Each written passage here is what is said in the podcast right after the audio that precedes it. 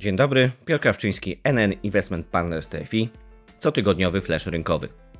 Alfred Hitchcock zwykł mawiać, iż dobry film powinien zaczynać się od trzęsienia ziemi, a potem napięcie powinno rosnąć. Te słowa mistrza dreszczowców, jak określano Hitchcocka, świetnie oddają też nastroje inwestorów, jakie mogliśmy obserwować w mijającym tygodniu na rynku finansowym.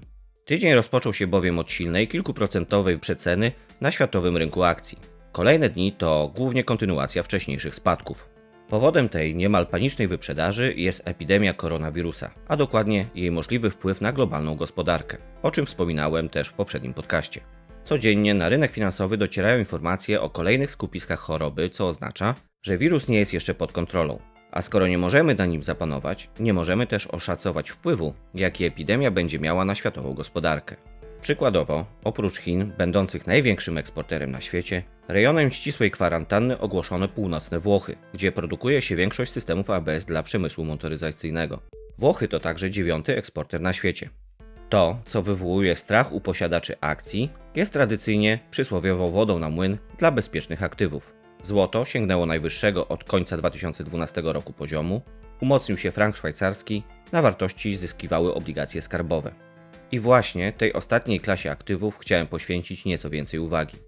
W obliczu wspomnianych wcześniej wydarzeń, rentowność amerykańskich dziesięciolatek spadła do najniższego poziomu w historii.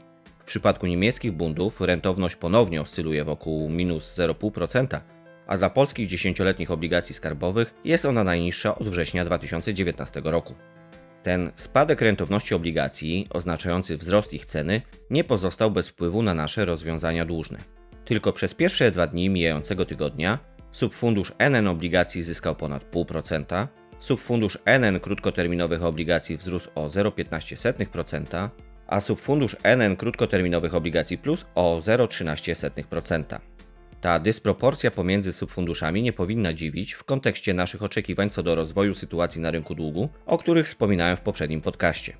Wydaje się, że dopóki sytuacja z epidemią koronawirusa nie zacznie się klarować, to nastrojami inwestorów w dużej mierze kierować będą kolejne doniesienia w tej sprawie, a na dalszy plan przesuną się chociażby publikowane wskaźniki makro.